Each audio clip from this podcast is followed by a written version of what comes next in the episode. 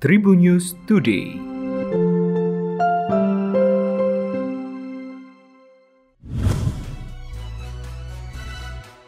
Halo, apa kabar Anda Tribuners? Berjumpa kembali dengan saya Delta Gonzales. Mari kita awali Tribun News Podcast kali ini dari kabar internasional. Kementerian Kesehatan Palestina mengungkapkan pasukan Israel menembak dan membunuh seorang wartawan veteran Al Jazeera Shirin Abu Akleh, 51 tahun di tepi barat yang diduduki.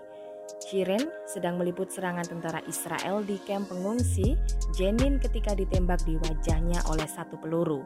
Wartawan Palestina lainnya, Ali Al-Samudi terluka di punggung tetapi dalam kondisi stabil.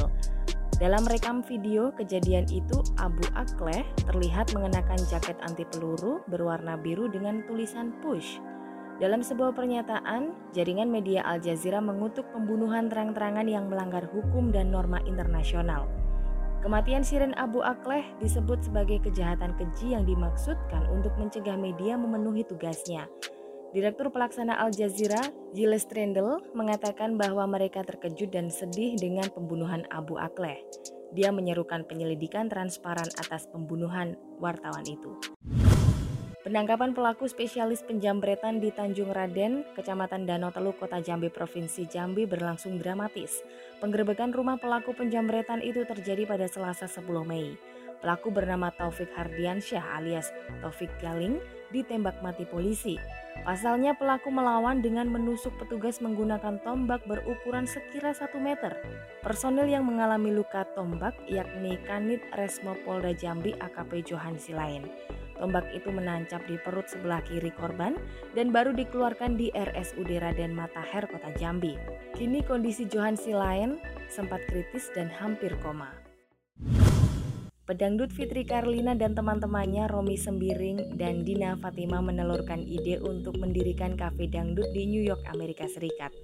Romi Sembiring dan Dina Fatima adalah pengusaha warga negara Indonesia yang lama menetap di New York.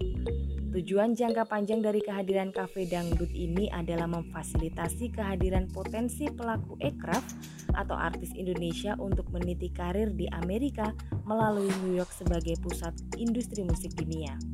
Peresmian pembukaan kafe dangdut ini sudah dilakukan oleh Konjen RI di New York, Dr. Arifi Saiman pada Jumat 15 April lalu. Pemilihan lokasi kafe dangdut di Long Island City, New York juga sangat strategis karena dekat dengan stasiun kereta, sekolah, dan fasilitas umum penting lainnya di kota dunia itu. Menparekraf Sandiaga Uno menyempatkan diri datang ke kafe dangdut itu dan mencoba racikan salah satu jenis kopi Nusantara yang khas.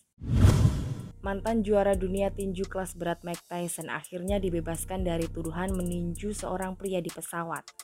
Pada tanggal 20 April, saat dalam perjalanan dengan pesawat JetBlue, Mike Tyson bertemu dengan seorang pria yang mengganggunya terus-menerus. Tyson telah meminta si pria untuk diam, namun si pria yang mengaku penggemarnya itu terus membuat kegaduhan di belakang Tyson. Tyson kemudian melancarkan berondongan pukulan tanpa sarung tinju ke arah pria yang duduk di belakangnya itu.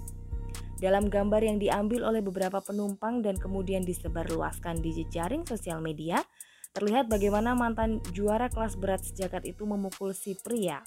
Insiden itu dilaporkan oleh pihak berwenang dan dengan demikian dibawa ke pengadilan. Namun pihak-pihak yang terlibat tampaknya telah mencapai kesepakatan untuk menghindari persidangan. Mike Tyson mendapat dukungan dari netizen setelah dia memukuli seorang pemuda yang sebelumnya terus-menerus mengganggu privasinya saat di pesawat. Demikian informasi dari Tribunnews Podcast, sampai jumpa. Tribun News Today.